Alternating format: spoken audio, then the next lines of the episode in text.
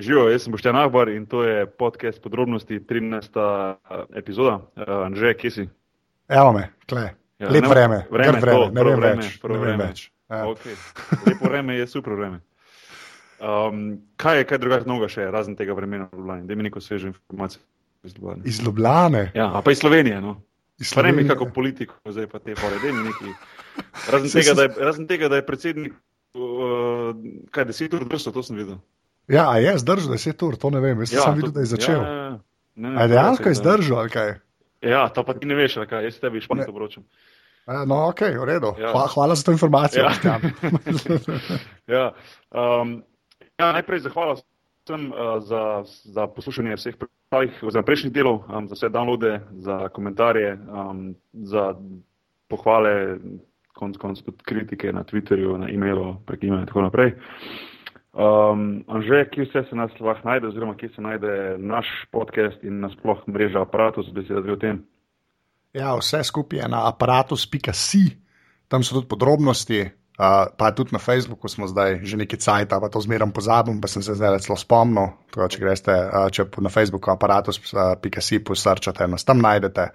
Uh, drugač pa, uh, full hvala vsem za ocene podrobnosti v iTunesih, ker dejansko mislim, da je zdaj že čez 50, če Ja, se ne motim. pa še ameriška iTunes smo šteti, v bistvu je, po mojem, že pre- blizu 70 vse skupaj. Ja, več ali manj, ja. tako da full hvala vsem, ki tam ocene dajete. Da ja. A, Drugače se da pa naročiti ja, v iTunesih oziroma prek RSS-ja, kjer upam, da bojo kmalo tudi videti, kako se to naredi. Za une, ki ne veste, a, Bog je dva že videl, še en se dela, tako da se bo dal, boste lahko videli, kako točno se naroči. Zdaj upam, da bo to že, ko bo tole odzuni gor, ampak če ni, ne me ubiti. Ja, ful dobro vidi, da v bistvu razložijo malo sploh, kaj je to, kako se naročiti na podcaste in kako to redno spremljati. Uh, zato, ker sem prepričan, da je mogoče došel tu, ki, ki so mu podcasti nova stvar in prav je, da, da v bistvu nek, narediš mogočnih shortcut za tiste, ki, ki še tega ne poznajo. Um, plan, ja. Ja, um, zadnji oddaj je bil gost eh, Pižama, naš redni dopisnik za, za UIR zadeve. Um, res, res le UIR zadeve, moram reči, tisti, ki, ki ste poslušali, to veste, tisti, ki, tisti, ki ne, mogoče se splača um, dol potegniti zadnjo, zadnjo, zadnje podrobnosti, 12. epizodo. Uh, imeli smo tudi en poseben intro, tisti, ki so opazili, Anže, kdo ga je to zrihtel? Uh, oziroma, tisti muzika v začetku, oziroma kaj, kako se reče, aviza, kako bi rekel. A ja, vizo, kdo ga je? Ja, že spet, nimam imena, ker ne, Ja. zraven. Ne. Boš do, Ampak, ja, boš do konca oddaje probo zbrskati to ime. Bo- ja, ja, ne, se, vse ga imam, vse ga imam, evo ga. Da se A, zahvalimo. Matija, Matija Breza, Tako, hvala, Matija. Ja. Um, a ja, še to, celo mrežo, podcast mrežo, aparatus si lahko tudi podpre, Anže. A ja, ja, če greste na aparatus.si slash podpri, lahko tam prek PayPala pomagate nam. Vsa vas denar gre za opremo in za serverje in za podobne zadeve, tako da vsak evro prav pride, pa unika ste to že naredili, Ibr, Ibr hvala.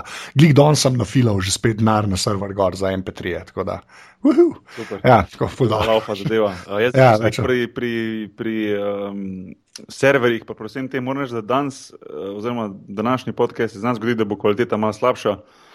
Um, pa ne, ne zato, da bi, da bi mi, da bi ti prednarijo kar šparo, pa karkoli, ampak enostavno uh, naš gost je, je, je daleč, daleč stran, recimo temu, oziroma ne če smo s kom do zdaj delali, ki je bil tako daleč. Uh, jaz sem daleč po svoje, uh, ti si spet na tretji lokaciji in bomo danes pač snimali to uh, prek Skypa. Uh, zdaj, se pravi, da ne bo vsak sebe snimal kot ponavadi, uh, tako da zna biti kvaliteta malo mal slabša. Um, ampak bo pa zato kvaliteta samega pogovora toliko bolj, toliko bolj dobra. Jaz, jaz že komaj čakam. Um, v bistvu sem fully vesel, da sem se uspel zmeniti z, z, tem, uh, z tem mladim možem. Um, kaj ne rečem, sam dve besedi, Marko Milič. Uh, Anže, štarti zadevo.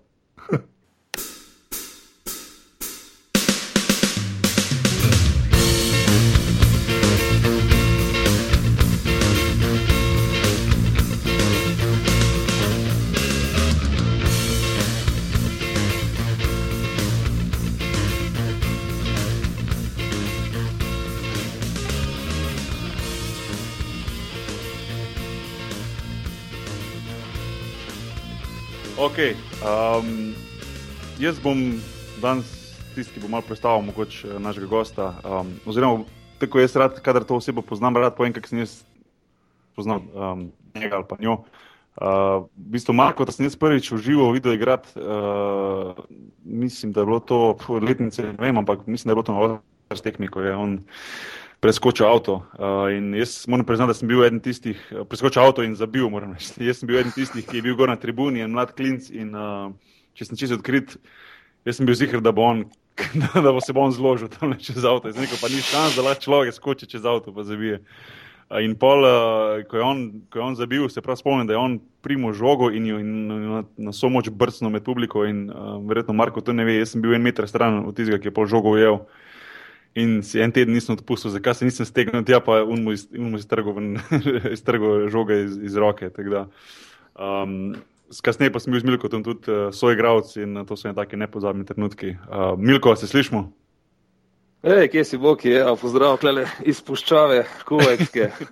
Ti si iz Barcelone, glih ne ne pol poti do mene, klele do kuvajta. Da, evo, to so bili res, to so bili res spominčki, toliko smo se prehecali skupaj, ti smo in kar smo preigrali na terenu, verjetno pa še, še več eh, tistih lepih spominov, ko smo se okrog hecali po, po hotelih, po večerjah, po, po avtobusih, tako da to, to tudi meni ostalo za, za skozi lepo spominov. Ja, to so, to so tisti, tisti momenti, ko sem videl, ko enkrat nehaš, ko bomo nehali igrati košarko, uh, sem videl, da ti bo to, ne samo tebi, ampak tudi nasplošno košarkaša, da ne bo ostane v spominu na tisto druženje. Ampak bomo prišli še do tega. Uh, Milko, prvi bi te vprašal, jaz uh, isto sem vprašal, recimo Brezo, Primoža Breza, ki je bil on gost na podkastu. Um, zakaj si se ti recimo odločil za košarko in kako si ti prišel do tega, da si, da si na koncu konc koncev postal vrhunski profesionalni košarkaš. Um, pa, recimo, začetek, pojmi samo začetke. Kaj je bilo tisti prvi spomin, prvi trening, prvi kontakt z, z košarko, zakaj košarka, prvi koraki? Ma začetki so bili taki, mi v Krank sem jaz govoril, rasno smo se okrog bloka, smo se mulci igrali vse športe, kaj sem. Izimprovizirali smo, igrali smo hokej na kotalkah, imeli smo, uh, imeli smo gajbice od, od krompirja, smo imeli na mezgolov, uh, vem, da smo imeli kar uh, od kotalk koleščka, smo imeli kar na šraufana, na tiste trde top ten superge, smo jih včasih imeli košarkarske in smo si jih pol, pa smo si jih pol naprej, ko nam je noga zrasla, sam na, na naslednje odslužene košarkarske superge, tiste koleščka gor uh, nativali, tako da vse razne razno razne športe, smo se mi šli okrog, okrog bloka tam v Kranju, tudi košarko, tudi futbol. Futbol sem bil bolj antitalent, sam sem bil velik, so mi zmeraj mogli, da so rekli, ti si eksploziven, pa neč, zmeraj sem med nogami žogo dobo. Probo sem, probo sem, probo sem par drugih športov, sam ful mi ni bilo, proval sem atletko, deseteroboj, pa sem bil tam skozi sam, pa mi je bilo dolg čas. Proval sem vaterpolo, uh, s prijateljem smo šla na vaterpolo, so mislila, da bo prišla kje, da dobiva kuj kapce, pa da bomo sam tisto žogo nabijali. Kje. Najprej so prišla kje, so 45 minut smo sam plavali v širine bazena, kar ne talentirani plavalci, smo pa kapce na koncu dobili, pa preveliko botico, mi pa, mi pa na vrh glave stala, si jo še, zave, še zavezati nisem mogel, tako da je bila košarka nekako edina tista, ki sem, sem se saj uh, lahko mal pred puncem postavljal, tako da se mi glih niso smejali tam s trebuhom, pa skoro premehno kapco na glavo v, v bazenu skakati. Potem so šli vsi prijatelji moji tam v osnovni šoli, smo šli vsi v košarko, vsi smo bili tudi tam na kranski osnovni šoli Simonjenko in tukaj nekako ta ljubezen do, do igre, do druženja, delaš od tega, da bi jaz tukaj mislil, da bom tukaj zares igral, da bom profesionalc ratov ali pa karkoli. Ampak pa je to kar avtomatično malo. Uh, se ta preskok naredil, vmes sem še ta avto preskočil, sklih prej razlagal. Tam, tam, uh, mogoče, mogoče takrat sem glih iz Hrana v Ljubljana, pa še mogoče zanimivost. Nisem bil takrat mogoče pozoren, da sem avto tako parkiral, da bi bil ful, ful blizu unih stranskih vrat v Tivoli. Sem rekel, ker to nikoli nisem prej probal. Jaz sem čez avto, sam nisem mogel to ja, čez avto, kleno betonu. Res, to, ja. Kaj, ker sto, vala si probal. Ma, ni, naštimo sem se gum in tvist od sestre, pa mi ni šlo. Sem, mene 10 cm sem bil prekratek, pa sem rekel, vse bo folk ti volil, se bo dvignil, pa mi omogoče vrata, bo malo bolj adrenalina. Sam sem za vsak slučaj sem videl tam na stranska vrata, sem rekel, če se klele čez rasujem, kot kanta, sam da hitro tam le ven zviznemo garderobo, da ima prevelika sramota. Boj, na, na, na, sreč, na, na, srečo, na srečo je še ratal, uh, pred, pred Olstarjem so imeli še rokometašice, so imeli, jaz sem tam sedel pol treninga gledal, so ne mislili, da kakšno šarmiram, v resnici sem tam čakal, da malo smole ukradem, ful kratke prste, kar če vape, sem rekel, da raba malo smole. Oh, wow. Čakaj. Oh, Ampak dobro, no, recimo. Uh, Ej, eno vprašanje sem dal, pa se že okam od smeha. Um, ne, hotel sem to vprašati. Um, Kdaj si recimo začutil, da si, oziroma začutek, kdaj si nekako videl sam pri sebi ali pa recimo slišal od ostalih, da se govori o tebi, da si dovolj dober, da ti lahko nekaj rata. Recimo ti si preskok Olimpijo, verjetno ni bil, ni bil uh, lih mala stvar, no, sploh takrat na Olimpiji je bila, pff, to je bilo kot NBA zdaj za mlade igralce, ni, bilo, ni, bilo, ni bilo višjega kot pariti v Olimpijo. Ja, takrat, meni, ko mi je zmagal potegnil Olimpijo tam iz Kranja, meni, meni se je v enem letu to dogajalo, od tega, da sem ne, sestro v eno sobno stanovanje tam na pogradu spal z odrezanim stranicam, ki so mi noge čez gledali, do tega, da sem čez šest mesecev kasneje igral v Euroligo pred šesttavžen gledalci 30 minut na televiziji. Meni se je tam tako hitro vse dogajalo, dobro, da me je takrat uh, zmagal in dobil v svoje roke, ki je znam, da, da te mlajše igralce, ki jim hitro malo glavo odplava, da jih, da jih drži na, na tleh in tukaj, tukaj me je on pol mal, moram reči, vodu, treniral, včasih mal naprej potisnil, včasih mal zabremzal in tukaj sem uh, počas začutil, da je mogoče to pa tono, to je pa to, to je pa res, uh, to je pa res tisto. Uh, velik prizorišče, ta Evropska liga, vse te televizije, vse te močne, močni nasprotniki. Nekako v Kranju, tam v, mlaj, v mlajših kategorijah, uh, sem že občutek, da sem, da sem soliden, da sem v redu, sam vsem sem mislil, da se to je sam Kran, tukaj sam igramo to lokalno ligo. Klej se mogoče poj per 16, smo 17, evo točno za 17, pravi sem danes sem z Olimpijo podpisal, mogoče naredil ta prvi preskok. Da sem si mislil, da to pa mogoče lahko rata mm. iz moje strasti, nekako tudi moj poklic, pa moja, moja pot. Sem, ti, si, pol, ti si v Olimpijo prišel, mislim, v najboljših možnih časih, po mojem, mislim, jaz ne vem. Saj, pa, saj, veš, takrat, ko si v letu, je bila res taka generacija. Mislim, kako je bilo pa ti tam na treninge sploh prijeti, ti si bil res 17, ne? ti nisi bil tako. Tri, tri, bil... Mlad 23-letni fant. Ja, mislim, da ja. je bil 17. Ne, ne, ne, ne, ne, ne, Ja, povej, no, nekaj, res reči, jaz sem šel recimo z Olimpijo tudi 17, ampak jaz niti približno nisem prišel na tako velika vrata kot Milko. Ker Milko, ko je prišel, to je bilo, mislim, vsaj za nas, ko smo spremljali ta basket, res vsakodnevno. To je bilo, mislim, ti, Milko, ti si bil takrat, čez noč si bil res kot pop zvezda. Za tebe, za tebe čez noč naenkrat Marko Milič, bum, to je bilo po mojem, a pritiska nisi čutil tipa tega, ne vem. Ja, takrat sploh nisem vedel, takrat sem samo košar, ko sem razmišljal, sploh nisem se v te stvari poglabljal, zakaj, zakaj je enkrat vse tako medijsko bilo takrat pompozno. Mogoče je bilo tudi zanimivo, ker glih takrat smo ratali nekako mal pred par let prej mal svoje države in nekako smo zelo pozitivno vsega našega, pred, pred tem Petr, ko smučare, košarkaše, vse, vse se je zelo pozitivno spremljali in mogoče mi še to pol bolj nosil, ker nisem nobene negativne kritike čutil in uh, sem rekel, kaj je lepše, kot igrati, uh, igrati košarko. Ne, Takrat se nisem zavedal, kako čez par let kasneje, mogoče čez par let kasneje, sem, sem še le malo nazaj gledal, sem rekel pismo. Mhm. Ja, se, ampak kako je bilo pa na treningih tam? Mislim, ker si pač 17 let. Pa... Na treningih je bila taka konkurenca, vse bo, ki ve. Včasih so v Olimpijo pripeljali samo tako, sam enega ali pa dva največjega talenta tistega leta iz cele Slovenije. So ga zraven priključili tako kot 13, 14, 15, 15 igralcev in so rekli, le, te vržemo vodo, pa če boš splaval, boš splaval, če pa ne, pa naslednji let nas, naslednji pride. In jaz sem glih prišel v Olimpijo, ko so oni usvojili Evropski pokal. Hor, na moji poziciji je Roman Horvat dal 10 trojk, pismo v finalu, jaz pa kle pridem, sicer dinamit v nogah, ampak lesena roka. Sem rekel, bom jaz zraven njega igral, ne tako da pismo. dinamit v nogah. Se je rekel, gled drvenjak, pismo, um pa 10-10 vrgo, vrgo, vrgo finalu. Ne. Samo to tekan se igra na sezono, zmago je znov cent, trening, odnos in to. In vem, da sem pred vsakim treningom že eno majico zamenil, ker sem recimo odstraniral. Tok sem bil nadušen, tok sem ti adrenalina, energije mu od začetka. Uh, mu sem tudi srečen, no, da, da je zmagal nekaj o meni videl, kar res mogoče takrat še v tistih letih nisem vedel, da, da imam, tako da on mi bi tudi veliko pomagal. Ja, sam recimo tista olimpija ni bila, ker tako da rečeš, ok, to je za olimpijo, ki je pač za slovenske razmere imela par igralcev, pa se tu igral nek basket, pa, pa je to to. Ampak vi ste dejansko, vi ste šli na, mislim, ste bili na Final Four, vi ste bili tretji na koncu. Kar je, če zdaj gledaš, recimo, da bi zdaj Olimpija šla na Euroligi, na Final Four, da se, mislim, to, je, to so taki, so taki rezultati, da se mi zdi, da, da folk malo pozablja na to, kaj se je takrat dosegalo. No?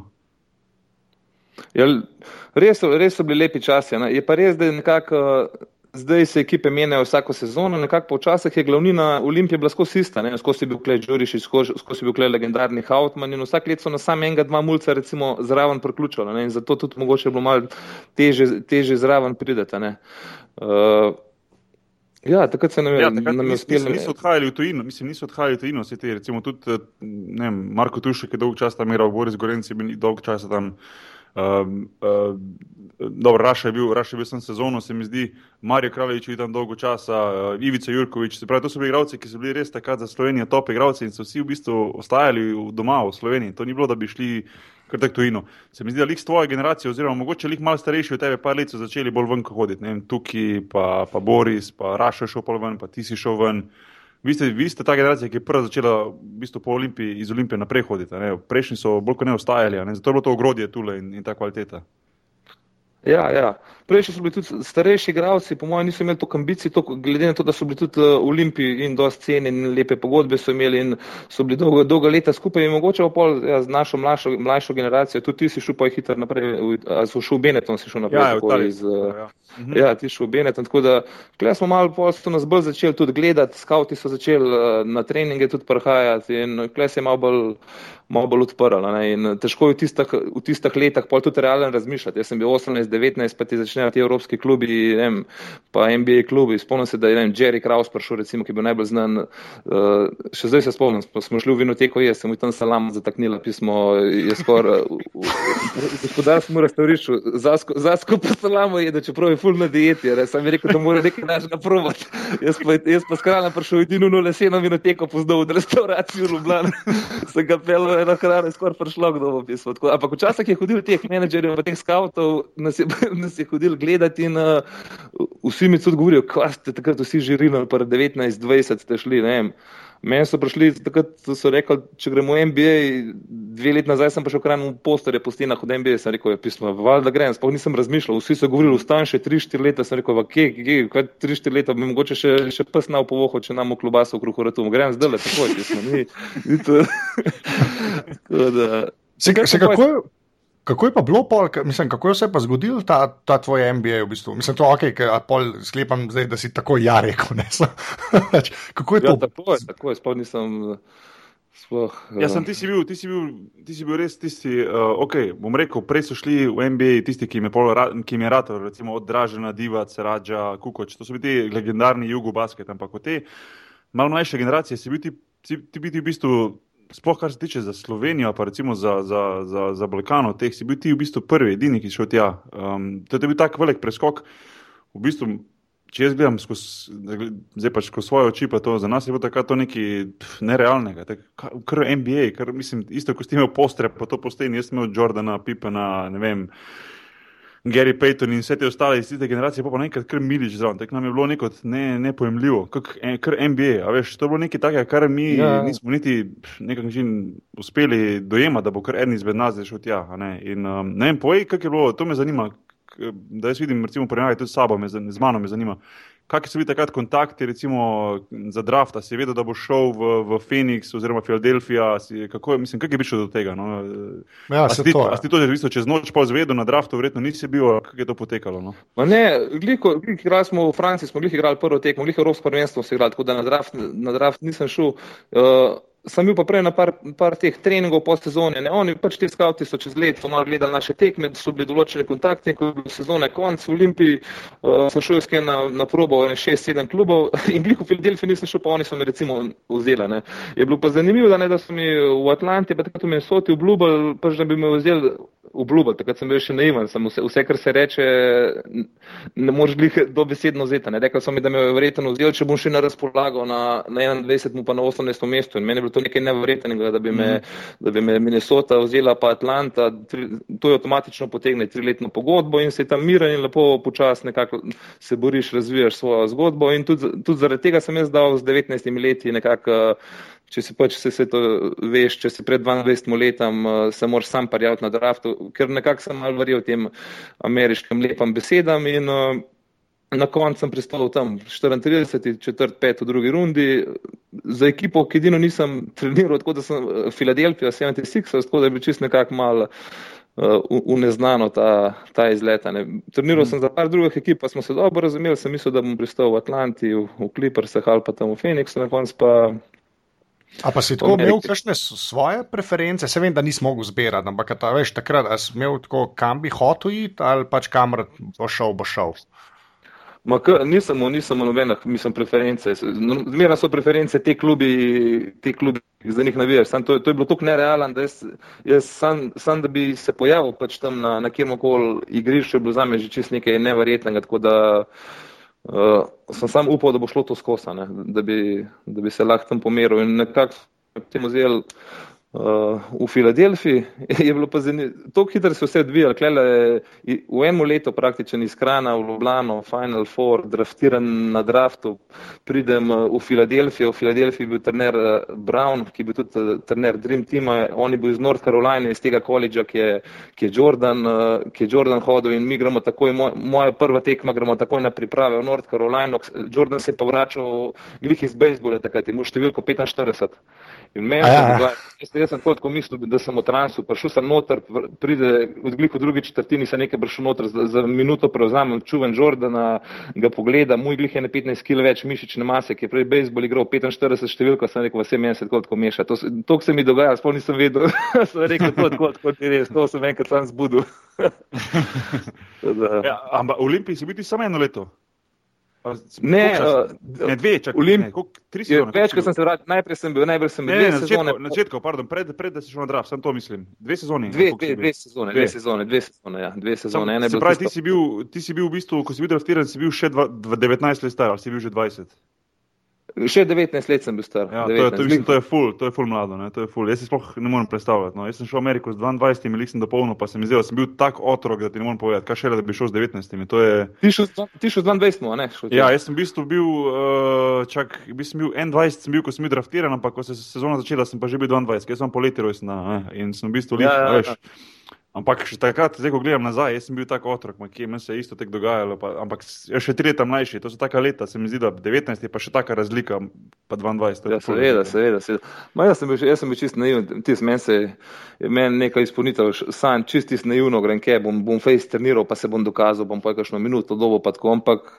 Lej, ja, sem je zajebano, druga runda je že, že zajebana. Mislim, tako si sam rekel, ne? prva runda ti da možnost, da imaš letno pogodbo in imaš čas, da se razviješ. Ne? Če imaš pa, če pa druga runda, moš pa takoj začeti in, či, igrati in, in, in prenašati. Lahko, lahko vidiš to malo bolj razložiti, ja. kaj jaz zdaj kleriš. Ja, ja, lej. Uh, je, lej, prva runda, v prvi rundi, uh, zdaj razen če so se pravila mogoče kaj spremenila v zadnjih letih, ker pač jaz nisem več v Ameriki. Ampak, povej, ja, jaz ne, jaz mislim, mislim, v prvi rundi, če si draftiran, si dobo avtomatsko uh, triletno pogodbo. Jaz sem dobil 3 plus, plus 1, se pravi, po treh lahko klub ima možnost, da podaljša še za eno. Uh -huh. To je bilo za vse, ki so bili zbrani v prvi rundi, ne? se pravi, med, med prvim in 30 mestom zbrani. Ja, ja, ja. Tisti, ki so bili pa v drugi rundi, so dobili pa pogodbo, kot jaz vem, samo ena plus ena, ali samo eno garantirano, zdaj pa nisem siguren. Ne?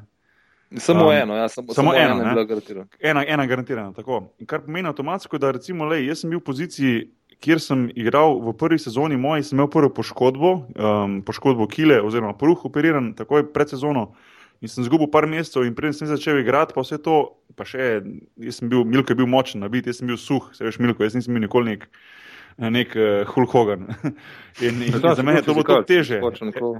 Skočni, ja, sem drugo. Uh, ampak um, hotel sem reči, da v bistvu sem iz prve sezone igral samo 14 tekem, če se prav spomnim. To je neko v glavi. 14 tekem, pa še to full, full malo, ne? od 82, veš. Ja, in, in če bi jaz bil, recimo, druga runda, možnosti, da bi jaz ostal v Houstonu, tako da me kljub podaljša, bi bile po mojem manj kot 5%. Veš. In, in, ja, ampak jaz sem imel ja, srečo, ja. jaz sem imel še dve leti, jaz sem imel drugo, drugo leto možnost, da sem še napredoval, da sem še treniral, do tretje sezone sem že nekaj igral in potem sem se dokazal, da sem podpisal še eno pogodbo, recimo v Ameriki. Medtem ko pa recimo Milko, ko, ko, če bi bil v moji poziciji, sploh ne dvomim, da mu ne bi to ista stvar ratala, ampak enostavno, ker je imel enoletno pogodbo po enem letu, v drugi rundi si, prideš v ekipo, ki ne igraš veliko. Eh, imaš pred sabo kakega nezadovoljnega veterana, ki še hoče par dolarjev iztegniti, pa bo dobil malo več minut, pa kakšna poškodba pade, levo, desno sem tja, sezona gre okoli in ti se ne dokažeš, veš, kot bi se lahko. In na kljub na koncu, ko potegne črto, reče, ne bomo zdaj, nisi neko dokazal, mogoče ni, a veš, in te ne podaljšajo, oziroma ne dobiš nove pogodbe. Ne? In to ja, je ful, ful okay. razlika. Ne? V bistvu je pa razlika samo med tem, a te je en zbral 30 ali pa 31, a veš. Ja, okay, se to, ja jaz, nisem, jaz sem mislil, da je to. Aha, okay, veš, in to je bistvo fora. prva runda je tako, da vsaka ekipa vzame enega igralca, ne? druga runda je pa poje, da lahko nekako drugo opcijo vzame. a Ne? To Tako tudi- Ja, vsak lahko, recimo, no, eni klubi imajo včasih dva izbora v prvi rundi, ampak to so v bistvu zaradi njihovih tradov, bla, bla, se je to Ja, vseeno. no, saj jaz ta- Ampak načeloma, načeloma, ima, načeloma, recimo, ne, če bi šli zdaj točno, tako bi imel vsak klub dva, dve izbiri, ne, dva nova igralca. V prvi rundi se pravi prvih 30 klubov in potem vsak klub v drugi rundi še enkrat izbira. Ne. In to je ta fora. Ja. Recimo Milko, če bi bil na mestu 34, 29, kar je pet mest, kar sploh ni tako velika razlika, ampak razlika v njegovi karieri bi lahko bila ogromna, le zaradi tega. In to so te fore, ne, veš, ki so. Um, so To pa sploh ne bi, ne, ne Ja. bi pomislil. Mislim, Ja. da se ta draft, vem, kako funkcionira. Sem tudi to sem že nekaj slišal za te pogodbe, ampak sem mislil, da, je te, da te pogodbe, da se še zmeraj oni lahko odločijo ali pa whatever, ne, da tu če te od drugega vzame. ampak Ja, pol, zdaj, zdaj so linija se pravila spremenila, sploh za evropejce. Se mi zdi, če ti si izbran v drugi rundi, pa ne greš takoj, se lahko pol po neki letu ali dveh pogajaš za drugo pogodbo. Ne vem, le, ampak v mojem, Ja. ja. takrat sem jaz bil, pa takrat bi bil Milko, vem, da je bilo sigurno tako. Ne? Tako je bilo, je bilo takrat je Ja. bilo tako. Ja, takrat je A bilo veš, in, to je, in to so ful take stvari, ko te hočem povedati, da v bistvu na koncu ne kriv, ne dužen, ti že tu neka odločitev pade za tvojo kariero, ali bo taka pa drugačna. Veš, in to je samo glede na to, tako je Milko rekel, ne, lahko bi bil izbran, izbrala ga je Filadelfija, lahko bi bili pa Atlanta, Clippers, Uni, tretji, veš, in to so, to so res take loterije. No. Um, tako da, ja, tako sem, tako sem rekel, lej, če bi imel Milko, če bi ti imel tri leta možnost, da tam se razvijaš, pa to, veš, bi, bi, bi, bi, bi, bi, bi šla recimo, situacija oziroma karijera čez drugo pot, namesto da se, se recimo po sezoni ali dveh vrne v Evropo, pa poreče, ja, pa ni šlo NBA. Veš. Ogromno je pa igralcev, v bistvu, ki so, ki, ki, ki so veliko manj talentirani, ki imajo veliko manj volje do košarke, ki enostavno, ampak je dovolj, da so enemu igral, enemu človeku všeč. A veš, trenerju ali pa GM Ja. ali pa enemu in ta jih zbere v prvi rundi in imajo te leta možnosti na koncu iz njih res nekaj, nekaj rata, ker imajo določen talent. ne. In To so take stvari, ko včasih se mi zdi, da pač košarkaši Ja, mladi. prvi vrsti- na, ven- na ven se to ne ve. Ne. Ja, se ne A ve, veš, am- a veš, in, in, in, mislim, in kot mlad košarkaš na to nekako niti nimaš vpliva. Pač ti pač treniraš, igraš in tako je. je. Pa ko pa nazaj gledaš na kariero, pa, pa v bistvu vidiš, vidiš kakšna je situacija, mislim, kaj, kaj se je dogajalo. Jaz takrat tudi nisem nič razmišljal, jaz takrat, aha, zbran na draftu, ja, gremo. Pa so še rekli, da bi še ostal leto v sezoni, mislim, sezono v Italiji ali karkoli. Ne, mi smo takrat neki menjali trenerja, da, da, da, ne, grem jaz kar v Houston, ne grem. Pa sem že, že, že se spomnim, da sem v bistvu, mi smo končali italijansko prvenstvo, jaz sem bil naslednji dan že na letalu, da sem šel te draft workoute delati in sem pa v bistvu kar ostal v Ameriki čez poletje in, in, in kar treniral. Sploh, a veš, kar, kar grem, kar konc, kar dalje. Ja, ja, ja. Pa če bi zdaj za nazaj gledal, bi, bi verjetno let sezono dve bilo fulu pametno, da ostanem v Evropi. a Ne? Ampak A ti si šel, ti si šel z Benetona, ne? Na, ti si šel z Benetona. jaz sem šel z Benetona. Ja. Ja, si takrat si imel vrhunsko sezono, se takrat Ja, ja, se ja. parkrat se srečali, jaz sem za Fortitudo, ti si, tam Ja, je bil ja. Dan- D'Antoni par tep trener, a ne? Ja, D'Antoni je bil trener, uh, pa se ne Ja, vem, mislim, D'Antoni- mislim, da si ti takrat igral tudi to sezono, da si igral v finalu, da smo igrali proti vam, ne proti Fortitudu Ja, ja, takrat se igralo, ja, ja, takrat sem Ja. nas svi premagali v finalu, mi smo bili v, For- ja, jaz sem bil v Fortitudu, ja, ja. No, evo, mi smo takrat zmagali. sezono. Mi smo Ti takrat pa zmagali- Edni, pa Nikola, to ste vi takrat Ja, ja, bili ja. presenečeni cele lige, ste na koncu naredili tak finiš v finalu. Mi smo šli takrat na Final Four Eurolige, pa bili italijan- italijanski prvaki. Ja, ful dobra sezona. In in jaz sem se spomnil, jaz sem šel naslednji dan, ko smo mi zmagali to v Bologni, tisto tretjo tekmo. Jaz sem šel naslednji dan, sem šel na avionu, v bistvu, sem šel eh, dalje. Ne, tako da, Ja, ja, s- s- Taki ludi časi, sploh, zdaj, sploh ne domljivo, da bi zdaj. Takrat je bil tudi, eh, evo, ljubljanski znanec Marko Švili, tudi s tabo tam ni bil v Ben- v Benetonu. Uh, je bil on en let kasneje? Skitišvili, skitišvili, misliš? A skiteš Švili bil, ja, en let Ja. ja. kasneje pa še. Ja, čeprav ne, Marko Švili prišel v Evropo, v Beneton najprej, kot 15-leten uh, mulj, Kasneje, A, z mano ni bil tam. Kasneje, z mano ni bil tam, ja, z mano ni bil. ja, ki je bil edini 15-letnik, se je zjutraj pa zvečer bril.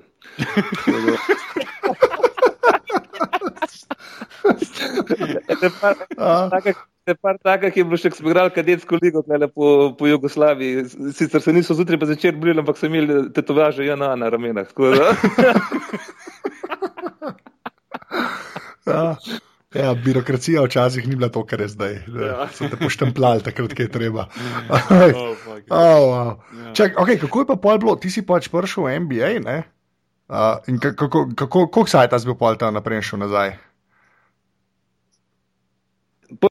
Prvo sezono sem bil najprej, sem bil, pa jaz sem bil sem začel v, v Filadelfiji, sem bil par, par mesecev, pa so takoj naredili trade. So me tradali, so me zamenjali v Phoenix. V Phoenixu smo pa že prej, pred draftom, smo se dobro razumeli, samo oni so v zadnjem momentu izgubili pik, tako da so me tam zamenjali za, za Tom Chambersa.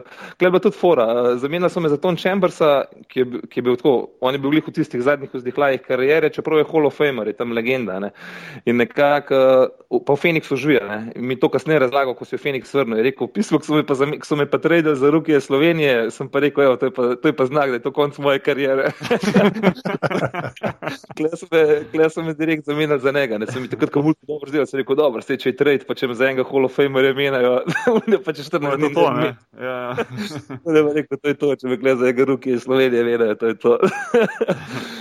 Da, po je rad, moj dober prijatelj, se vrnil, se vrnil nazaj. Polju, po glih te sledice, pa glih začel. Uh, ko sem v Phoenixu, sem rekel, zdaj gremo po drugo sezono, mal, bil je trener Danny Enč, mi spet tist po ameriško me napalil, tist da računa na mene, čeprav so bili še 5-6 drugih igralcev na moji poziciji. Ampak glih takrat si poj ta lockout začel. Ne? In pa sem takrat vmes uh, skočil, klele grad v, v Fenerbače, naredil, glih celo Euroligo sem v Fenerbaču odigral, tako da nisem zgubil tistih mesecev, pa sem se na koncu za zadnjih par, za drugo polovico sezone, pač ko je bilo konc lockouta, vrnil, vrnil ke v. Ne? Tako da te dve, te dve sezone sem bil. Pos, Po pa nekako nisem uvedel, preveč sem bil tisti, razganjal me od energije, preveč nisem v tisti potrpljen, da bi sam ta garbič tam igral, pa da bi še čakal let, dve, tri, štiri, a se mi, a mi bo ratala, ne. Tako da tam sem se pol vrnil en let nazaj v Olimpijo, je bil še zmagal trener, tako da nekako mi, dvakrat, trikrat sem se med kariero vrnil nazaj v Olimpijo in nekako zaradi teh dobrih odnosov in z trenerji in s publiko mi je bila to nekako zmeraj ena taka nazaj odskočna deska, da sem se mal pobiral v karieri, kadar sem imel mal krizo ali zaradi igre ali zaradi, ne vem, zaradi kjerkoli drugih stvari, tako da tam je Olimpija pol ene parkrat pomagala. Ja, se to je, to je, to je fajn imeti en tak backup, vedno, da si šel nazaj. Pa... Tudi tud, tud, meni bi prav prišlo nekaj takega, oziroma sem imel tako obdobje, ko, ko bi, ko bi full rabo to, da, sem, da bi se vrnil nekam pa to, ampak eh, nekako z Olimpijo se žal po tistem, ko sem bil tam eno leto kot, kot mladinc, v bistvu se pa nismo več nikoli uspeli, uspeli dogovoriti. No, ampak um, ja, uh, je, je pa, um, hotel sem to reči, je pa verjetno tako, ne vem, tako meni se je tudi zgodilo, no, da v bistvu je, je tista, tista vrnitev nazaj v Evropo. Je, ko enkrat doživiš MBA, je, je kar težko. No.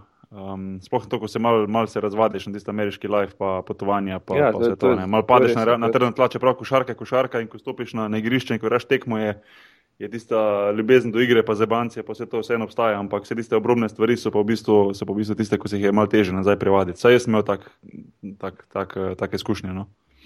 Ja, sigurno, lej, tam, tam je življenje tako praktično tako luksuzno, da te vse, vse drugi skrbijo za tebe. Ne rabaš nobenega razmišljanja o teh privat avionov, vseh, vseh teh stvari okrog, da to se res mal ne razvadaš, ampak res težko je nazaj, ko, ko se enkrat na konju spet nazaj na osle. Da, ampak, lej, kar moraš, lej, na koncu to je, to je maraton, le, če imaš srečo, pa da se ta pravi karakter, se, se ti kariera vleče 15-20 let. Včasih je treba, le, recimo, samo v bližnjo prihodnost, jaz pogledam recimo za tebe, le, zgledali pred sezono, šel v Nemčijo, da je korak nazaj, ti sparato v eno leto pismo, spet prvo krilo Evrope, Kleles bil nosilci igre v reprezentanci, zdaj imaš pa tam le top deal v, v Barceloni. Včasih je treba, je mogoče ja, je, ja. Ja, ja. korak nazaj, da lahko sprint naprej narediš. Ne, tako, ne, to, to, to, v, v, v narekovaj je korak nazaj, ne, tako, tako veš, zakaj greš. Ne, zakaj to, to sigurno, no, in, in to sigurno. In, in to, to se mi zdi, da ful, ful, ful časih, uh, sploh v basketu, rabiš, rabiš sezono, da recimo po poškodbi ali pa po slabši sezoni, da odigraš. Ljudje, ljudje, ljudje strani tistega ne vidijo, rečejo, oh, pa spet, kaj gre spet Olimpijo, pa kaj zdaj šel v Nemčijo, veš, to, ampak v bistvu ne vejo tistega, da ti v bistvu iščeš tisti feeling, da ga spet dobiš nazaj, da tisto, veš, zdaj nema, je to samo zavest, je to feeling za igro, karkoli. Ko enkrat to dobiš, pa v bistvu imaš res feeling, da te doben ne more premagati, da lahko igraš z vsemi. So pa vmes krize, normalno, ko je, ko je težko. Uh, kljub vsemu, da, ja, da imaš recimo, talent, pa imaš znanje, pa vse to, ampak uh, ne moreš kar tek biti skozi. V top, top formi. In, uh, vem, jaz vem, recimo, po, moj, po poškodbi, recimo, sem imel tak, tak primer, um, da, da se je bilo ful težko vrniti nazaj. No. In, in sem rabo tisto ja. sezono. Ja. In, in ja, traja, je treba biti potrpežljiv, ampak, ampak uh, ful prav pride. No. Je pa to dober feeling, ko vsem tistim, ko, ko nekako.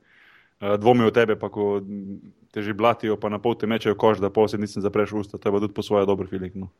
Um, to je neverjetno. Le. Ja, ja. Čeprav, ja. čeprav jaz se nikoli nisem do nekaj to, to oziral, ampak vem, da taki ljudje obstajajo in, in, in je fajn, fajn tisti film, ko rečeš, aha. Uh, a veš, spet mi rata, to je, to je to pa en tako sam ja, ja. ja. zadoščenje, ki ga pol dobiš. No. Um, veš, kaj se dogaja? Imaš svojo špuro, ja, imaš svojo ja, špuro, ja, to je res. Ja. To je res. res. Um, hotel sem vprašati, recimo, reprezentanca. Kaj so recimo tvoji najlepši spomini na, na, na reprezentanco? Recimo, ker recimo, tudi z Brezo, ko sem govoril, meni se poleg vsega tega, da smo z reprezentanco imeli, vem, da smo takrat v Beogradu prvič se vrstili na svetovno prvenstvo, pa šli prvič na svetovno prvenstvo, pa, pa naredili korak naprej. Pa, do tistih uh, stvari, ko smo v bistvu imeli na polskem uh, doseg do medalje, mislim, da v bistvu na doseg ro roke, pa nismo uspeli dobiti. Ampak to vse, kar se je dogajalo na igrišču. Ampak vseeno najbolj mi pa vstaja nekako spomin tisto, kar se je dogajalo ob igrišču. Uh, ekipa, klapa, zebancija, hoteli, potovanja, ne vem. In tako naprej. Yeah. Uh, Lej, mogoče, mogoče, ne vem ti, če se spomniš, Milko, ampak jaz sem bil prvič zraven v reprezentanci do 22 let, ko si ti bil pa en od nosilcev. Pa Raš je bil, pa ne vem, Tušek, pa Duščak, pa te smo bili v ja, Turčiji ja, na Evropskem prvenstvu. Jaz sem bil takrat prvi zraven, 16-leten klin sem bil in uh, ne vem, nikoli pozabil, kako kak si mi ti na tero, da sem jaz mogel po, tebi, po, po večerji tebi baklave nositi sobo, ker nisi smel ti sam. Je, to, to, to, to, to, to je bila moja naloga, da sem baklave v sobo. Enkrat, enkrat, enkrat sem stuškam v Turčiji pojedla 32 po večerji, zato on, on, on, on rodar iz Hrastnika, jaz pa goren z krana, pismo, vzpod pa, pa švedski stol, po domač povedan, zagrab sabo za osobo, kako je hočeš. Ali, tako da sem jih enkrat 32 pojedla, nam je tok cukor si dvignil, da samo cel, cel večer sem imel mokar čev do zjutraj. Zjutraj so pa tako zmatrna, ker bi treba iti na trening. da, to, da.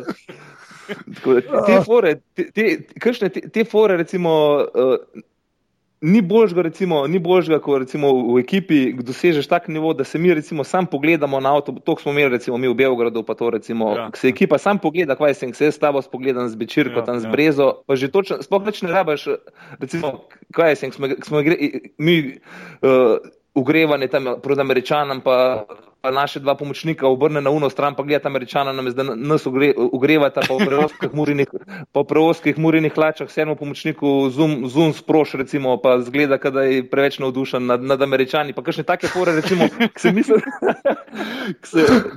kakšne take fore, recimo, situacijske, ne, kakšne ja, situacijske, recimo, ki je dosti, bo sploh, da smo se sam pogledali, pa smo vsi v, pa smo vsi v kruhot uh, uh, planali, smo bili vsi na isti, na isti valovni dol, dolžini, recimo, kakšne take lepe trenutke, recimo, pa reči, da je razlož kakšno anegdoto. Težko je kakšne anegdote razložiti, recimo, ko so bile situacijske, recimo, kakšne, kakšne stvari, ampak so bili, so bili to lepi trenutki, recimo, v, da jih v kolektivnem športu dosežeš, ki bi kjerkoli drugje, če bi bil individualno ali pa sam, jih bi težko.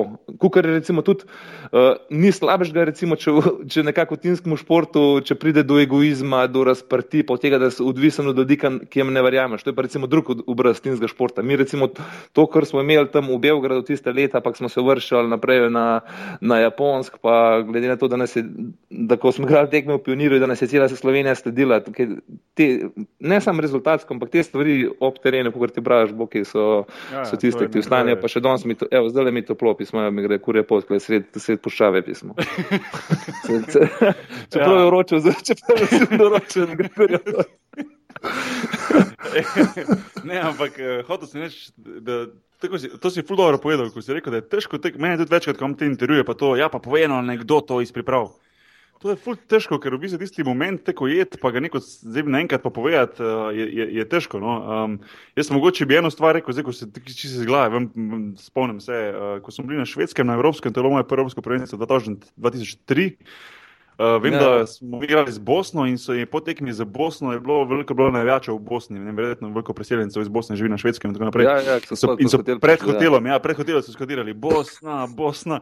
Mi smo pa hoteli pač spati, oziroma je bilo že kar pozno, čeprav smo tudi mi v poznih urah hodili spat, se zabavali po sodah. Ampak jaz vem, da si ti šel v kopalnico in vzel en koš za smeti, ga napolnil z vodo in, ga, in si ga polil po navijačih dol in si se zavedal, kot da si francos.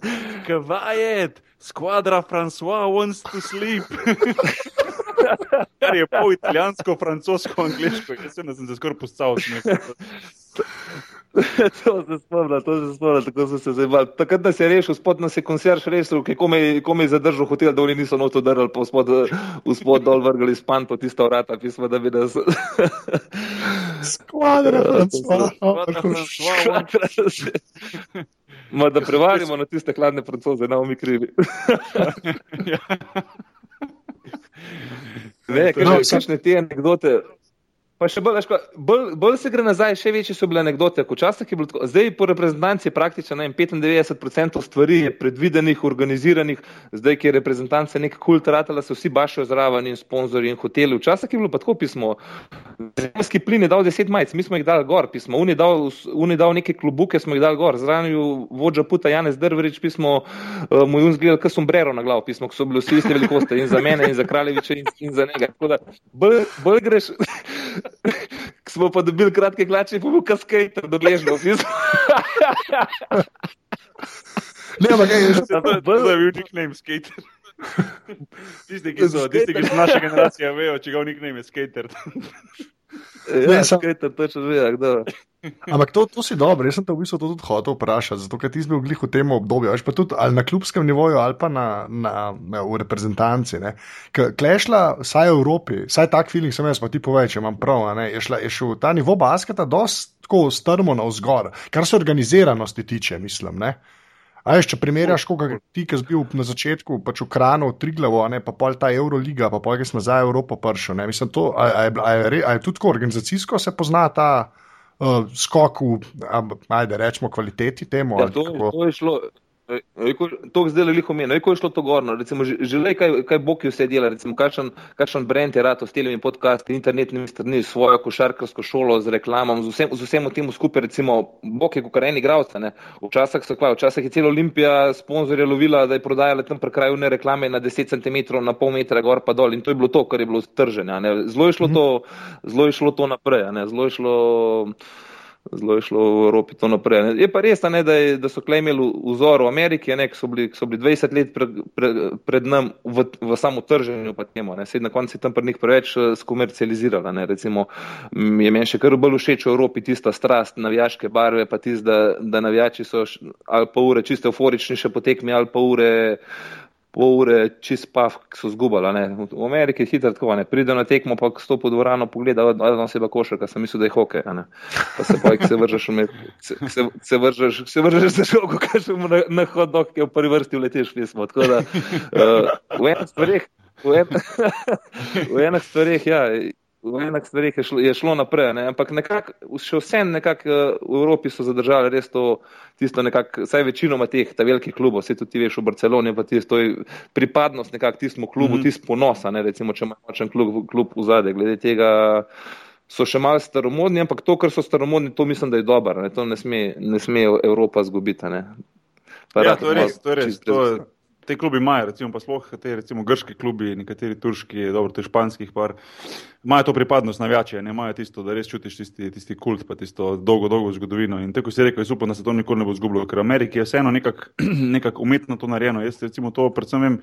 Iz tega, ko sem se, v bistvu, ko sem bil, ko sem igral za Hornete tisto sezono, pa sem posebej zaradi Katrine, eh, orkana, smo se selili in smo šli v Oklahoma City in je kar naenkrat pač Oklahoma City bilo to mesto, a veš, In je bilo kar polno dvorane in so kar si navijali, ampak pol, pa, pol so pa hornici po eni sezoni šli spet stran, eh, so prišli pa Thunder, veš, ko so se Oklahoma City na Thunder, ne, spet drug klub in so spet ja, polno ja, dvorane, ja, spet ja, si ja. navijajo. Veš, v Evropi ni šansa, ne, da bi recimo ti lahko to eh, tako umetno postavil naenkrat na noge in eh, ne 50 krat na sezono 20 tisoč ljudi noter, ne. Kar uh, seveda pa svoje dobro, da so navijači, pa to, ampak neke tiste prave, prave pripadnosti, da rečeš, da je pa to je pa že moj oče navijo za njih, pa že moj dede navijo za ta klub, veš, tisto ja, pa ja, samo v Evropi ja. doživiš, ne? Tisto pravo, ko res bi folk umrl za kluba, ne? Ja. Um, ja, ja, ja, to je res.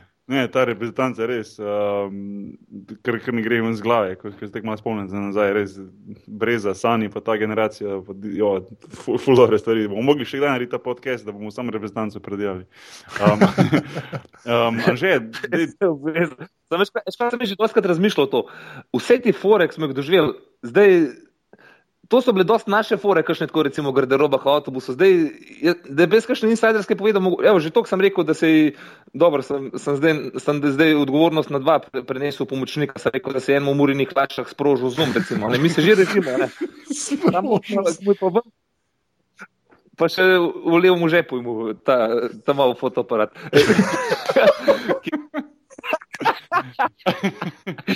Veš, kako zapakirati, kako zapakirati ti, ti anekdote, da nam še enega reveža, ne reveža, prijatelja, ne, ki smo cel življenje skupaj, da ga nam že neko insidersko, ki je sam naša fora užalo, ne, ampak Vse da bo še to žmoh na anekdote. Ne. Nam zdaj govoril nekaj pismo, tiste brezvezne, ne, in glih to, da moramo še malo pomisliti, boke, da rajdava eno mejo, pa pa naredimo podcaste ali pa knjige pišemo na, na, na te anekdote pismo.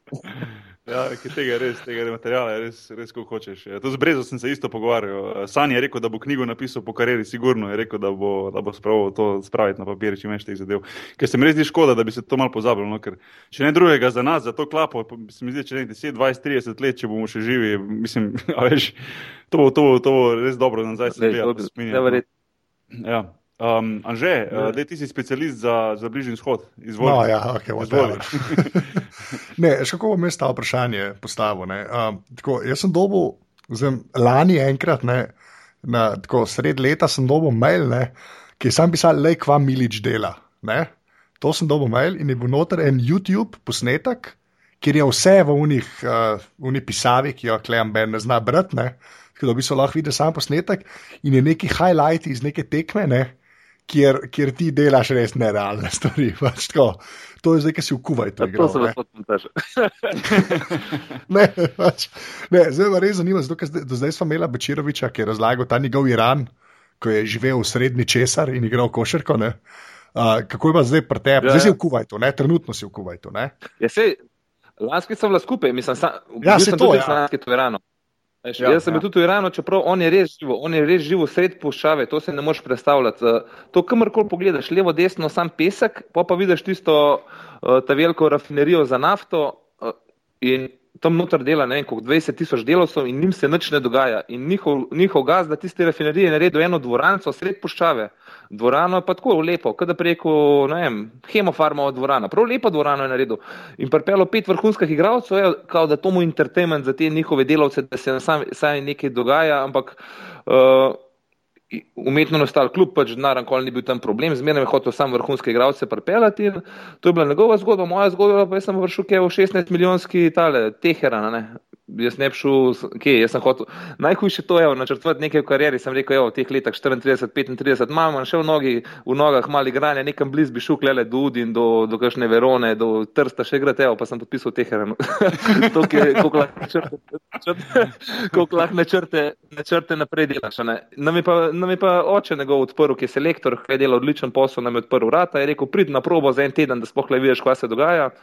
In tako, jaz sem bil čisto pozitivno presenečen. Ne. Mi je bilo kar malce sram te stereotipe, ki jih imamo mi, klede od Iranci. To so tako izobraženi, tako topli, tako dobri ljudje, kleh pa, da rečem, Iranc pismo, sam rečeš, lega terorista. Da, ja, mi je bilo kar malce sram. Rekel, isto, isto je sanje, sorry, da te prekinem, isto je sanje rekel, no to se hoče reči, da je, da je ful isto kot. Zelo isto kot ti govori, iste izkušnje, no, kar se tiče ljudi, pa tega, no, pa kultura, pa to prijaznosti, od, odprtosti. To, to je neverjetno. No. Odprti, ustrežljivi, izobraženi, niso to neka hura, to so vsi visoko izobraženi, ponosni na to svojo perzijsko zgodovino. In, uh, Varana, ne, v 15 milijonskem teheranu smo se mi s sanjem po večerju, ob enih dveh zjutraj tam po ulicah, ki jih sploh ne poznaš, tudi ne veš, ko bereš gor, kaj piše, sploh ne veš, je mesarija, je pisarna, je banka, nič ne veš, ki je vse v njihovem jeziku. Ne, tako da smo se sprehajali varni, ne, tako da Na Iran imamo prav lepe spomine. Na. In po, po Iranu, ne sem pa, pa mene, za Iranu se je sezona hitro končala, pa je pa mene zanesla klele avantura še v Kuwait, ker vse te države so klele te zalivske države. Kaj da prnem, ne vem, primerjal Balkan, tile Jadranska liga, recimo. Veš vse, če si v Ljubljana ali pa v Maribor, veš, kaj se dogaja v Ciboni, kaj se v Partizanu, tako isto te klele vejo, kaj se dogaja v Dubaju, v Libanonu, v, v Iranu, te zalivske države, ne, v Kuwaitu. In so me klele poklicali, eh, da ne prijem malo sem pomagati zaplejal sem rekel, grem pa še en mesec še avanturo mal podaljšati sam in evo, namerata lanski to svoje prvenstvo. Pa... Ja, sem klej, klej, kot je zgledal, ga haraš, ne. Ker ti si res. Jaz Ma. sem videl, nekih deset minut sem videl, ne. In si tako saboni spodaje iz, iz rakete, pa ga malo kucaš vmes.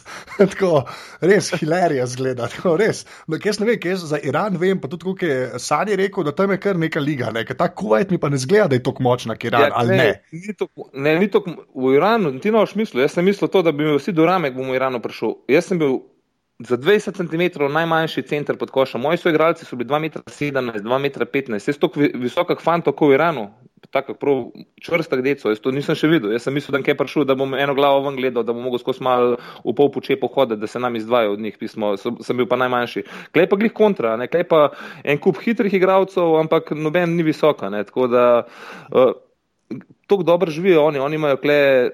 Kuvajt je tako kot ameriški mest, kada ga, kada ga PEM postavi ameriški mest. 99% je vse isto. Starbucks do Starbucka, ameriški policijski avtomobili vzunaj, eh, vsi se po angliško zgovarjajo, uraden jezik je kar, kar angliščina.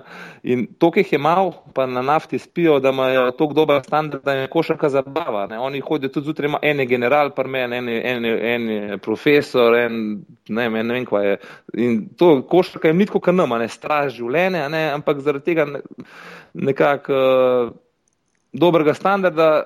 Enega, imaš pa lahko samo enega tujca na terenu, ne, tako da ni lahko, ne, tebe pa pripeljejo, meni pa reko, le, prišel si, zdaj ti sklej, da preneseš uh, zdaj prvenstvo. Ne. Ja, glej, če gremo na 100 metrov laufa, se klej vidi razlika, nek nas je pa 10, ne po timskem športu, glih en ne naredi take. Ja, razlika, da, Tako, mhm. zelo specifično. Ne? Na pol za imance, na pol rekreacije, ampak na koncu je treba zmagati, pa ti krivo. Moraš ti biti skozi nekako v formi, moraš biti tisti mentalno napet, čeprav vsi okrog tebe tako dosti sproščeno vse to skupaj jemljejo. Tudi enkrat na dan se trenira, da, ampak eh, dokler, dokler ti prenašaš pač rezultata. Ne? Tako da, A, kako, kako pa liga tam funkcionira v Kuwaitu? Mislim, a to neke te meddržavne lige ali to sam prvenstvo ali kako to tam deluje? Je, vse, se, vse se dogaja v Kuwait Cityju, je deset ekip, to je tako veličine, kada bi rekel, okrog je pa puščava, ne? sam to, sam en mest je tako ogromen, kada preko veličine Beograd recimo in v tem mestu je deset ekip, ne? in teh deset ekip se med sabo užge, se pravi dve iztekam, na koncu pa pol igraš četrt finale, pol finale, finale. Evo, zdaj smo mogli v pol finalu, bomo mogli 2-0 rezultat, še eno tekmo zmagamo, pa smo v finalu, pa pol je pa konc kuvajske sezone, pogre pa kuvajski prvak, pa katarski, pa dubajski, pa libanonski, se pa dobimo, kada bi rekel tam za, za balkanskega prvaka, kle se pa dobimo za prvaka Perzijskega zaliva. To pa tem še nekaj kle pomeni več, kot če bi bil prvak sveta. Ne. Sam, da so kle glavni v komši luku, to njim pomeni. Tako da, tako da to, Kako je pa, kaj, recimo, so, kakšne so pa dvorane, pogoji, ne vem, ljudi na tekmah, pa to, uh, vem, po mojem, si predstavljam, da mogoče, je košarka, košarka številka ena šport tam, ali nogomet? Ja, futbol je, futbol je, futbol je, futbol je, ne, recimo. Eno stvar ga malo zanima, kaj. Se mung se za futbol zanima, si futbol ekipo kup. Naš je recimo ga košarka, si kar košarkarsko kup. Recimo, mi smo tako klub, kaj je, kot Olimpija, da ima recimo in, in rokometni klub, in, uh, in odbojkarski klub, in košarkarski klub. Uh, Naš šef je pa, je pa fanatik, recimo, futbola, ima rad futbol in ne, pred 14 dnevi, ne 3 tedne nazaj, kar pripelo, recimo, Bajer, kar evropske prvake, zato se je njegov sin spomnil, da bi rad evropske prvake v živo gledal in ga je pripelo kle na naš stadion, za našo dvorano, ki je večja razvalina, kar zdaj v tem, stad, v tem stanju beži grajski stadion in jih je kar pripelo. Lanski je kar Real Madrid pripelo, recimo, kar na prijateljsko tekmo. Ne. Lanski je Real Madrid, tako recimo, imajo tiste želje, pač, eh, glede na to, da na nafti spijo, da si jih lahko izpolnijo in ne vem, lanski so bili zadovoljni ker so z Realom, z Realom sam 2-0 zgubili, letos so bili pa teli zelo neprijazni, so rekli, zato ker Bajer jih je pa naše 8-0, tako da te so pa neprijazni, te pa nam več vabil nazaj. oh, wow. Zanimivo, za, za to fazo karijere je zanimivo. Ne? Ni za, za mlajšega igralca, ni, ampak za me te neke uh, tudi življenjske avanture, ne, doživeti, kle, pač lanski to perzijskemu letos čisto kontra arabskemu svetu, vratati nek insider, biti po njihovih rojstnih dnevah, po rokah, uh, levo, desno, tako da je zanimivo, no, zanimivo. Recimo, kako imaš pa ti, kako pa ti recimo, živiš tam, ne vem, stanovanje, sto stolpnice, sto hiše, kako je to, recimo, sploh si ne predstavljam teh mesta, recimo, kako to na splošno izgleda. Je, recimo, težko iti na Le, trening, je to full gužva, je to na easy varianta, tisti ameriški stil, vse na easy, tako si rekel, ali kako to izgleda. Čist čis ameriški stil, kada preko, da sem v Phoenixu, široke ceste, sami pa doskrat gužva. Ne? Aha. Že 100 metrov od morja, živim v 12 nastropju, stolpnice so tiste čisto ameriške stolpnice, spod imaš tisto, imaš uh, uh, pač kle v, v morju, ampak to je recimo ta zaliv naš v morju, tako 20 km dolg, ima ta glavno tisto promenado, ki se vsi vozijo gor pa dol. Uh, nekako se oni družijo klep na cesti, skozi avtomobilih družijo, ker pač v islamu nimajo barov, pa tako ni alkohola, oni se ne morejo ženskam dobivati drge, kaj na ceste. Promenada, kaj 20 km se gor pa vozijo in malo bolj počas. E, jaz sem začetka pridem klep, kar dol dajo, dol dajo tale okon, pa kar ublajajo tam ženske, se kot pismo primitivce. Ne? Ampak to je praktično edin kontakt, ki ga oni, oni nekako imajo, tako ne ženska, in se vozijo počasi in se, in se malo dubacujejo. Ne? Tako da živim v stropju, v Marini, 100 metrov od morja, 12 na stropje, tako da, kadar je lepo vreme, lepo, včasih pa dvakrat sem pa doživel, ko pride, uh, ko pride iz puščave, puščava je tam 20, 20 km naprej, ampak ko se pa dvigne tak vrtin vetra, ne, pa pride tako kot Independence zdaj, čist črna zavesa, pismo gre kar takole prod mesto, to, moreš, to sploh ne moreš verjeti. Pismo, in takrat, ja, ja, takrat sem bil, bil kar malo scary feeling, drugač pa tako, no, drugač pa, kaj da bi v Amer, ameriškem mestu živel, no, tele, tele mesta, klele, ne vem, naš Kuwait, Kuwait City, pa klede Doha, pa Dubaj, vse zelo, zelo podobno. No, to, to, sem te, to sem še prej vprašal, recimo za same tekme, pa to, uh, so ljudje na tekmah, se to spremlja, se navija, ali je to v bistvu čisto isto, kot da se gleda kot neko zabavo, tako se reko, brez, uh, brez nekega ja. naboja pravega. Ja, Ja, tako kot praviš, je bolj zabavo, razen poj, ko se, ko se začne polfinale, finale, tam je poj na boje, tam pa vsi ti šejki pridejo, oni tam sedijo, pijejo čajčke, v njih strežejo, pržgejo vsak svojo šišo, cigaro, imajo fotele in oni gledajo. Ni pa tako kot Evropija, ne, da, da bi bili neki navijači, da je organiziran ne vem, ne vem koliko folka. Tako, Med, tek, med ligo so bolj tako, da preko revijalne tekme, na koncu pa dve, tri ekipe, koliko sta sta konkurenčni za prvaka, tam se bolj malo dvorane napolnijo, niso velike dvorane, to je po tisoč gledalcev se napolne. Čudem. Ne more se pa to primerjati s tem, kar je recimo v Evropi čutiti. Ti nisi, ti nisi edini tujec, ali si, oziroma kljub imate še nekaj trenerja, ki je iz, tudi iz bivše juga, kako iz, ali si edini? Je slovenc, slovenc. Slovenc, Slovenc, začeli smo, začeli smo sezono z Okornom, tak je bil tudi na Olimpiji, trener po Slovanu. No, ja, ja, ja nekaj mu, po, oni, oni mu neki probleme poizvizali, tako da smo povezali tega boja na Laziča. Ne. Aha, ja, ja, uh, tu dober mlad. Okay. Ja, ja, ja. Slovenski trener, zdaj z pomočnikom črnogorske reprezentanci. Moja ja, menjava ja. je tudi tale moj prijatelj, lanski. Lanski smo osvojili prvenstvo, pa me tale še kar vprašal, da je kjer ga už enega prijatelja, kle si je prpelo, tako da je tu dober igralec, pa sem se iz tega Perkoviča spomnil. Kle, kle bolj tako, bolj, bolj centre vzemajo, štirke pa petke, ker beko imajo malo morja, ne, višine pa nimajo, ne, tako da štiri, pet. In je še ta Perkovič, je oklel moj sosed, tako da se jaz mi so le skupaj v Kremoni. Lanski ti je igral Olimpijo, no tudi pol leta je igral ja, Olimpijo, ja. tako da se mal družil. Je pa, je, je pa kle ogromen, ogromen, ogromen Balkancev, zmeraj je kakšen futbol, kaj je Real Madrid, se kle v, v kakšen mušiše baru dobijo, cel Balkan skupaj sedi za mizo, ni važno, si iz Ljubljane, Hrvaške, si Skopje, vsi se tam malo zafrkavamo, pijemo kavico kajti se šiša, gleda se Real Madrid, ali pa Barca ali pa karkoli. In, uh, gleda, ej, ne boš verjel, uh, ko si špilo, ko ste špilo na tole Evropsko prvenstvo, Eurobasket, mi smo kle na Al Jazeera, na tem velikem pladnu smo gledali vaše tekme v živo pismo, je tole istorijo, ki ste no. igrali pismo. A res, ok. Res, kaj sred kuvajte. Smo gledali, tam je še nekaj težav. Ja, uživo, uživo so, so prenašali. V teh Svaki barih čas. smo gledali, smo se bili mi, pa je izmerno kakšen šejk, smo se tam izborili, no hotel njihovo, njihovo musko gledati, mi smo tole nismo dali, ne tam balkansko mizje, tako da smo gledali vse vaše tekme. Tole, no, lepa. Uživo, ne. Sam pa, pa sezona, jaz mislim, da sezona krajša tam je, kar dolgo traja, da si že od, v bistvu od poletja do zdaj, pa da še vse ostaje spodaj. Jaz mislim, da jaz sem vedno imel feeling, da so tam full krajše sezone.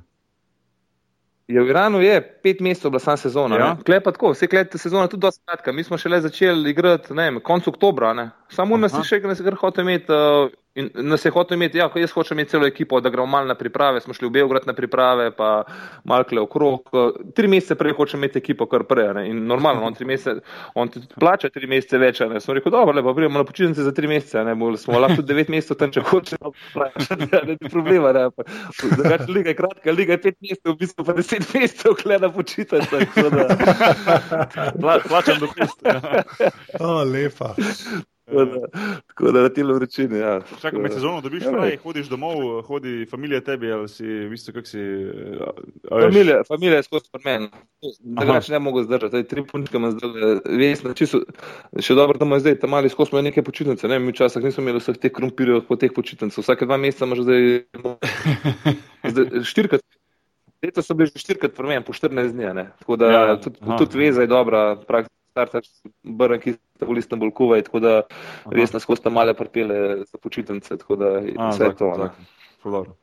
Ja, tako da, da se drugače drugač ne bi mogel zdržati, ne, da bi kar, da jih ne bi videl, ne, preveč, smo preveč navezani. To je edina taka slaba stvar, no, da me res tako vleče pismo, te treba počasi nekaj, da se še kaj forsiram pismo. Jaz se, eh, koliko kar pozabim, koliko sem star, ne grem zdaj v 37 let pismo, se pa spomnim, sem prišel na Olimpijo pismo, pa sem gledal tam Hautmana, ki je bil 28 star, sem rekel pismo, kot ta fotor še kledila pismo.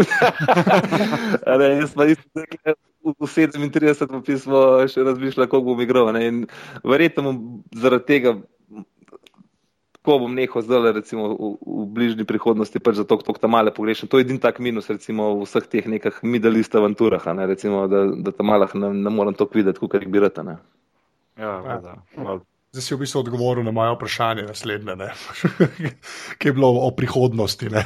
Tako Da, ampak, ampak tako, načeloma ti je pa pač kult. Cool, Zdaj boš, boš videl, koliko cajta še, ampak načeloma ta middle list je čisto odgovarja. Ali, ali kako.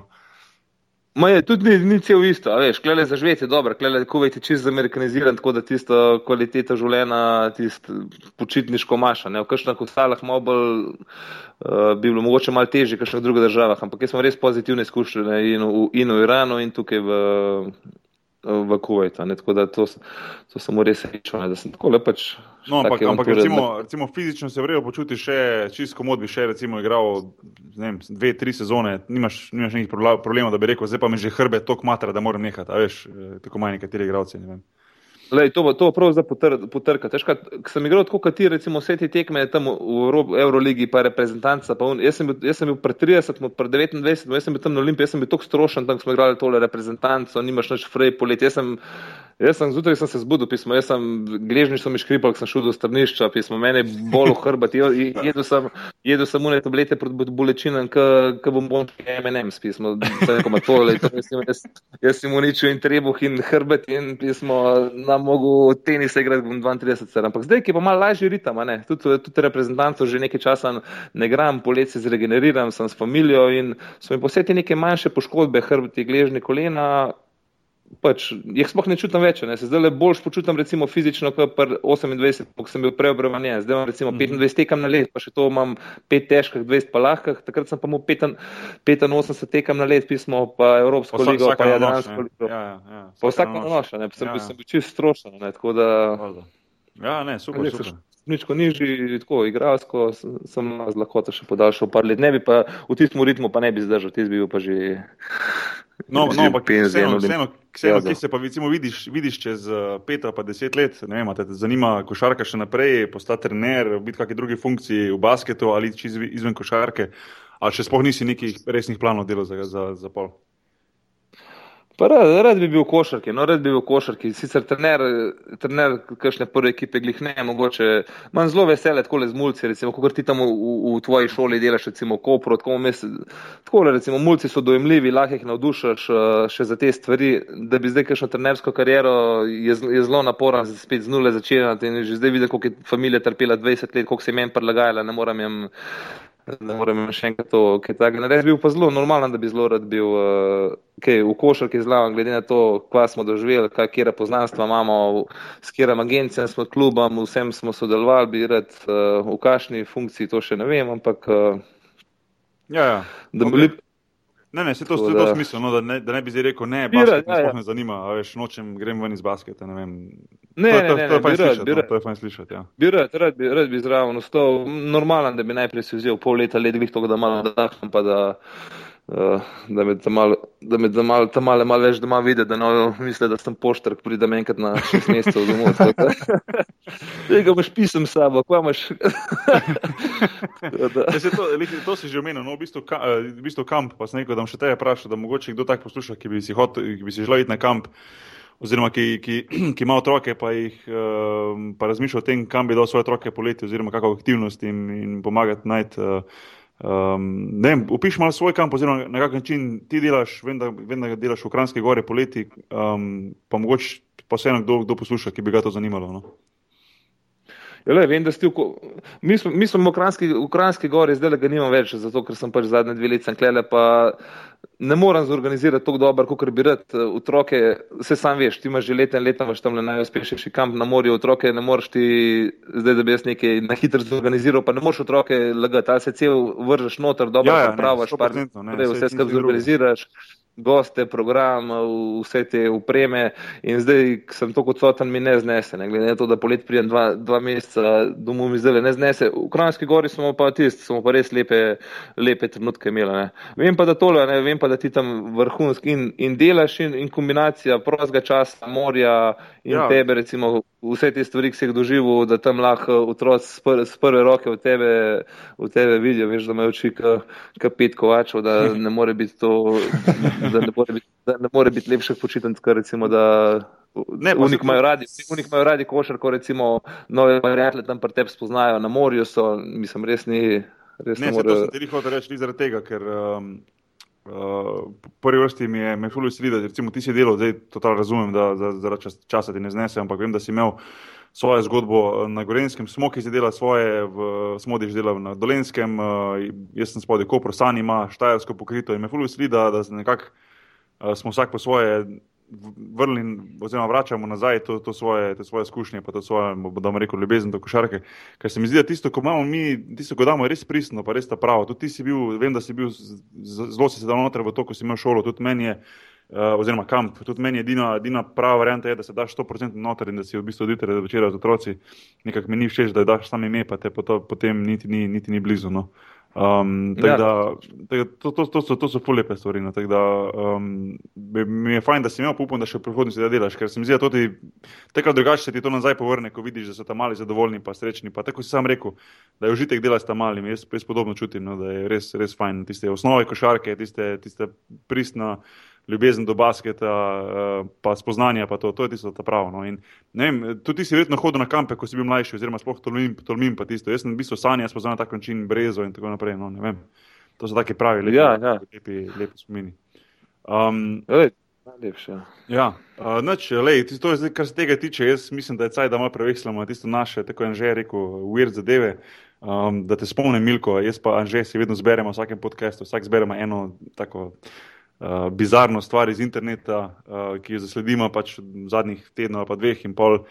Uh, pa o tem govorimo, oziroma da govorimo, predebatiramo, ti pa rade vole, bi videl, da skočiš not, pa kaj takega poveš. Uh, bom dal vam že to besedo. Anže, kaj si izbral ti za nas letos, oziroma letos, pardon, letos. Tokrat, letos. Letos, letos že toliko vir zadev, tokrat, kaj imaš zanimivega. Uh, ja, le, bom dal še link v Skype, tako da.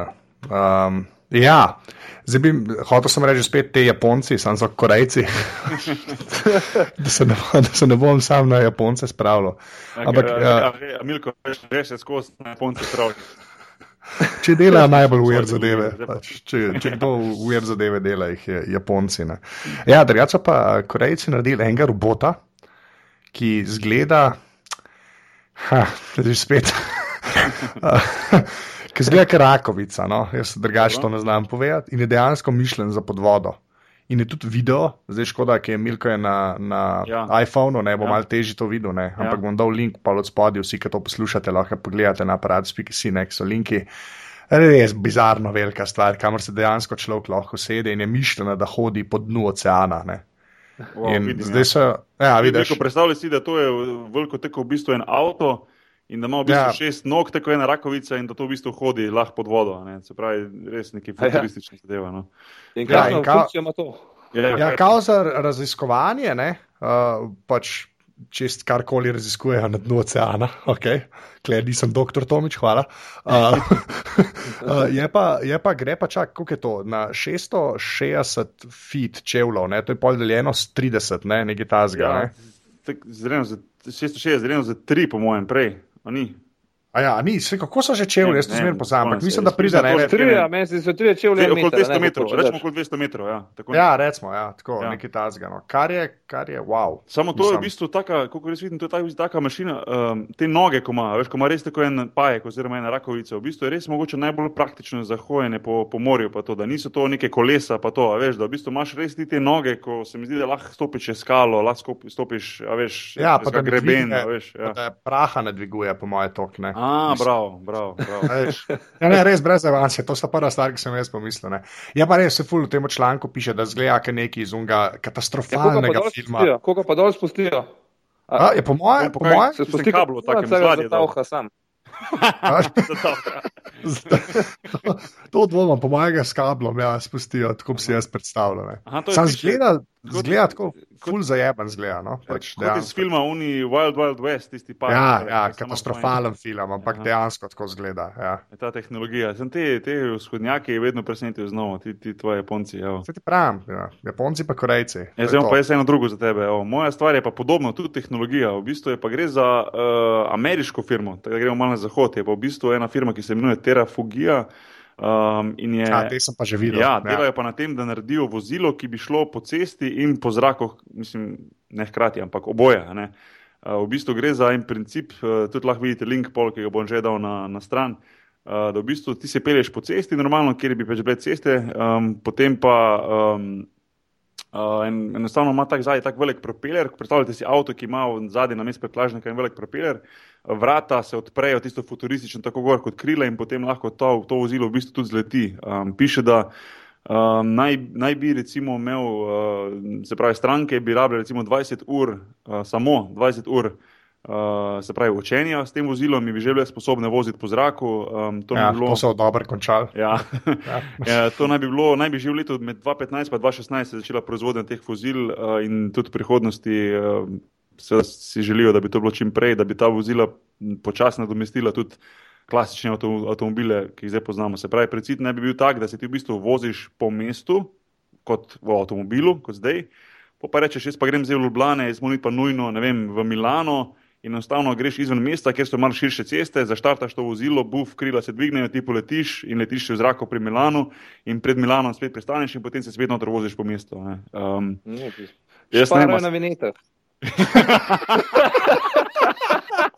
Kašlen krav. Ne, me bas. Kam gre ta tehnika? Ta, to, jaz sam z odprtim usti poslušam, kam gre ta tehnika in tale tvoj rak pismo in tale leteči Ja. ja. predmet pismo. Jaz, meni je že tale iPad, ki ima debele prste pismo, sem ga šel reklamirati, ki ima, ki nima tipkovance pismo, ki ne more tipkati pismo. Ti pa vidi, pa govorite v, v rakovcah 200 metrov pa, pod vodo, da pa letijo po zrak. To je neverjetno. Se kaj čez 10 let, 20 let, to bo pismo. saj Aj, to je.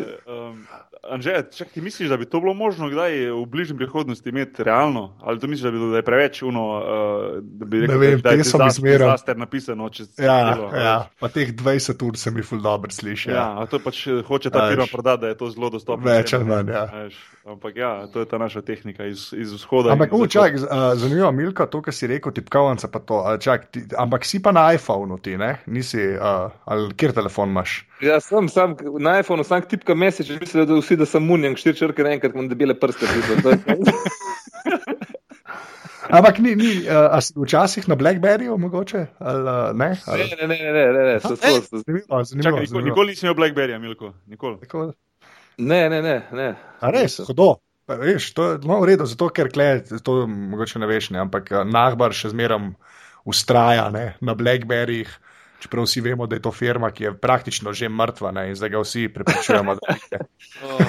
Mrad, Na- mrad, Meni pa ni všeč, Mrad zaradi tega te vprašam, zaradi tipkovnice, ker tipkovnica je ful dobra stvar in to ni šans za prevekslan drug telefon, dokler iPhone ne izumi tipkovnice. Konc. Kar se ne bo nikoli zgodilo. Ok. Tako Blackberry bo pa umrl. Ja. Ampak všeč. Okay, ne tako- bomo brez telefona, bomo brez telefona. Kaj? Lej, lej, Bečerovič je obupal, okay, zdaj je Milič je na iPhonu. Je eh, ima tudi iPhone, ne vem, Tako. iPhone. Ja. Konec, konec, več ali manj. Ne. Ja, ja. Uh, Neč, lej, uh, to, je, to je to, Milko. Um, Jaz ta rečem, sam ful, ful, hvala. Um, Ja, ful hvala. tako, no. Uh, Malej, to, je bila, to, je bil pa, to je bil pa najboljši, ma kakšen intervju, najboljša debata, ki sem jo, ki sem jo že dolgo časa imel. Ponovadi zmeram, unak moram deset vprašanj obkrožiti, kdaj sem začel, kera barva mi všeč, pa kero pesmico imam največ pismo. Tako da tole, zdaj, ko se z vama zgovarjam, to je bilo pa vrhunske. Le, jaz, bi, jaz bi že rekel, Milko, da, da mogoče uh, v prihodnosti, če boš, če boš le imel cajt, še kdaj povabimo na ta naš podcast, ker mislim, je bilo ful dobro, pa še toliko stvari, ko še lahko predebatiramo, pa gremo skozi, eh, da, da če, boš, če boš še za v prihodnosti, le jaz pa že z veseljem. No, le, kadar šta, jaz sem kle, kle na middle listu se mi cajt ustavil, kle imam cajt za izvajanje. Da kadar šta. Okay. Uh, uh, uh, jaz moram samo še eno stvar. Dej. Jaz se ti moram. Če, Uh, če me kaj gost zajebe, vi sam pokličite mene, tako da imate pokriti. ne, si me na backup, to je to. Super, super. A Jaz, sem, jaz ti moram, jaz, uh, Milka, jaz se ti moram še posredno zahvaliti. Jaz imam ene tvoje iz reala hlače za basket, ki si dal, dvoje si dal pre, radotu, Aleš v prevodniku. Ja, ja, ja. ja, Ja, no, ja. smo bile ene tako prevelike, jaz sem pa takrat skupaj igrala v Šenčurju, pa A ene ja? menjše kot ta plave. Ja, ja. Tako da, Ja, super. tako da posredno hvala, evo, zdaj, če te že malo. nek, nek nositi, kaj imaš boke tam zraven, da oglih ogen Ja. obaj. Se, jaz. Je res. se to imam pa že tudi ene od barce uh, majice, imam, tako da pa lahko. eh, sem eno, dejansko sem enkrat že bil na treningu, zdaj v realnih hlačah v barca majici. Tako da zdaj pa Za derbi pripravljen. več ali manj. ja, Jaz lahko, jaz lahko za oboje navijam. pravi, ne moreš, je win-win situacija za tebe, ne moreš zgubiti. Ja, ja, ne, ne morem zgubiti. Ne morem zgubiti. Tako da, ja. Um, Milko, ti, uh, a ja, to te pa moram vprašati, Milko, to sem pa rekel. Uh, zakaj nimaš Twitterja in kdaj si ga boš naredil? Pismo nimam, ne Oz- Twitterja, ne Oziroma, zakaj, oziroma tega me rekel resno vprašanje, zak- zakaj ga nimaš, oziroma ti nekako ni do tega, ker, škok, ej, če mi je pa za koga, ful, ful, ful, ful, kaj rekel. Na Twitterju, ko jih srečam, ne vem, uh, kjerkoli, kjerkoli, je pa Allah, Milko, tu rečeš, da se zrihta Twitter, prosim. A veš, uno, da lahko day to day pišeš, kaj dogaja, pa sploh zdaj, ko si v Kuwaitu, pa to je full folkano, pa me zanima, zakaj, zakaj nimaš, pa se mi zdi, ti enostavno nisi tak tip, da bi bil full tehnološki, pa tudi se mi, ne, mi nekako ne, ne, ne priješ naprej kot tak, ki bi skozi visel na, na Facebookih, Twitterjih, uh, Instagramih in te fore, no. Pismo, ne, meni, meni tako, da se debatiramo, ali pa če se še vidimo tako, da igramo basket, tenis, pa da en pirček skupaj spijemo, pa da debatiramo, meni, to, meni se to sploh ne, ne da preverjati. Recimo, malce še dinozaver glede tega. No. Sicer nekaj, nekaj časa sem rekel, dej, da mal probam, sem bil tam, uh, sem se nekaj gorsko nekto na Facebook, sem kujmu tam vse v navijačah, sem bil v Kremoni, gor dol, sam je bil hiter ogen obajt, ki je videla žena med 4000 navijači, 4 s prevelikim dekoltejem, tako da sem se mogel hiter dol skonektati. Ja, sem posumila, da ki, ki je posumila, da sem moral 4000, da, da, da so nekoga potrdo zaradi unak treh, so bili na plaži slikali. Sem, sem nekaj vse po vrst potrjal pisma, tako da. Twitter bi lahko, Twitter, Twitter mi edina od teh res kul cool mi Twitter, no. Tam, da glih pišem, kva sem mu za južno, ampak Twitter je pa tako, da, je dobra stvar, recimo tako, da ja, opinion maker, ja, Twitter mi je edina od teh, recimo tako, da mi je kul, no, tako da mogoče. ful dobro, pa v bistvu dosti dost lahko slediš tudi stvarem. Twitter ni samo zato, da nekaj pišeš, konc koncev tudi imaš recimo skozi te, um, tudi preko ostalih stvari je možno, ampak recimo Twitter je mi dobro zato, ker lahko na telefonu tudi imaš konstantno update, ne vem, ali, ali imaš, ne vem, CNN, Ja, ali, ali, ali ESPN, ali ne vem, Pa kam RTV pa res Slovenija. zaleti? Ja, a veš, da imaš v bistvu se skozi tekoče. No, tako da, lej, Milko, evo, zdaj, za vse tiste, ki to poslušajo, pa ki so rekli, naj Milko ti rečem, da zrita Twitter, evo, jaz sem svoje naredil, zdaj pa se naj Milko samo odloči. Le. Dobro, bom malo Zapro- po mojem Zaprovat bom je eno, je eno, ne bo ti, ne bo ti žal, oziroma je fajn zadeva. No. Je, je pa, Anže, to se hoče reči, da je veliko manj tistega direktnega stika, oziroma vse takega, da bi se bal, da ti zdaj neki pišejo z nekimi dekolteji, ene pa to, to v bistvu vse je nek tako bolj razviden, uh, tako sam rekel, razvidno komentiranje, uh, a veš, uh, dajanje gor stvari in ni tistega nekega, vsaj tako se mi Ja, zdi, nekega ni bolj takega to- intimnega kontakta, ne kot ima Tako, Facebook. to ni Ja, Facebook. ja, ja. Ja, ja. To, to je najbolj važna stvar, da pač Ja, ni ja. Facebook. ja, ja. Tako da, ja. Ja, Twitter je kul, cool, no. Twitter mi je edino telo, ki mi je res kul, cool, ja, tisto, kar sem malo spremljal. Ja, tako Ja, da- ja, ja. Mogoče se, mogoče, ja, Zdaj- mogoče zdaj se. še- sem- Breza je, breza je fulnotor to stani, se je to zrihto pred, mislim, enim letom, kaj takega, zdaj tudi kreativen. Um, tako da, ja, so, so fanti, en po en so gorno. Da. Pa se pa prek Ja. tega pišemo, pa se dajemo linke, pa komentiramo, pa se zabavamo, pa tako naprej. Veš, to je tako. Ja. Um, Ja. Ampak, ja, lej, bož, bož že, če boš. um, to smo reči. Že za konec, eh, daj povej še na hitro, kje se nas najde, ko smo jih pri Twitterju, pa pri teh stvareh, oziroma nas kot uh, aparatus mrežo. Uh, ja, aparatus je tudi na Twitterju, res je. Afna aparatus, uh, po, una, podčrtaj SI. Uh, jaz sem na Twitterju Afna Anzeta, Boki. Mhm. Kje si pa ti na Twitterju? Uh, Oziroma, kaj Ed, Ed Boki? Nahbar. Uh, pa če kdo res, zdaj bom rekel, zdaj pa uradno pozivam vse, ki si želite, da ima Marko Milič Twitter, dajte, dajte, mi, težit, dajte, dajte, mi, dajte mi težiti čim bolj, lezem pa, pa njemu neko prek maila, prek Skype prenesel vsak dan sporočila, da, da folk to hoče. Se glede na to, koliko folka je že zdaj težil, da naj Milič pride ja, na, na, na podcast, ne, ja, se ni zabavno. Ja, ja. um, Škaj, Anže, to sem še hotel reči. Zdaj poješ enkrat, da se lahko mreža aparatov podpre, ker se ne samo naš podcast, ampak ostali podcasti, ki je zdaj že šest, se folk ful trudi, da daje to gor, v bistvu čisti džabe kot hobi. Vseeno to nekaj stane, da še za konec to enkrat opomni. Ja, če, če, če, če imate šanso, pejte na aparatus.si/slash podpri. Pa lahko tam podprete, kot je Boki rekel, ne samo podrobnosti, še pa aparatus kot podcast, pa glave, pa pivotiranje, pa iglu impro, pa bluzanje je zdaj še ne, tako zdaj že v bistvu šest oddaj na, ja. na mreži. Ne, Zelo da... kvalitetni podcast, no, tisti različnih stvari, recimo imaš in, in stand-up komedi, in uh, se pravi gledališče, improvizacija, ne vem, košarka, mi doma imamo svoje vir zadeve, glave so v filmih in serijah aparat, ja. zanimive intervjuje z različnimi ljudmi, full, full enih stvari. Uh, da, tisti, ki lahko, uh, dajte to podpreti, glavni je pa tu, tu Anže, ki jaz vem, da se v bistvu brez banci od jutra do večera ponovadi trudi s tem ja. podcasti.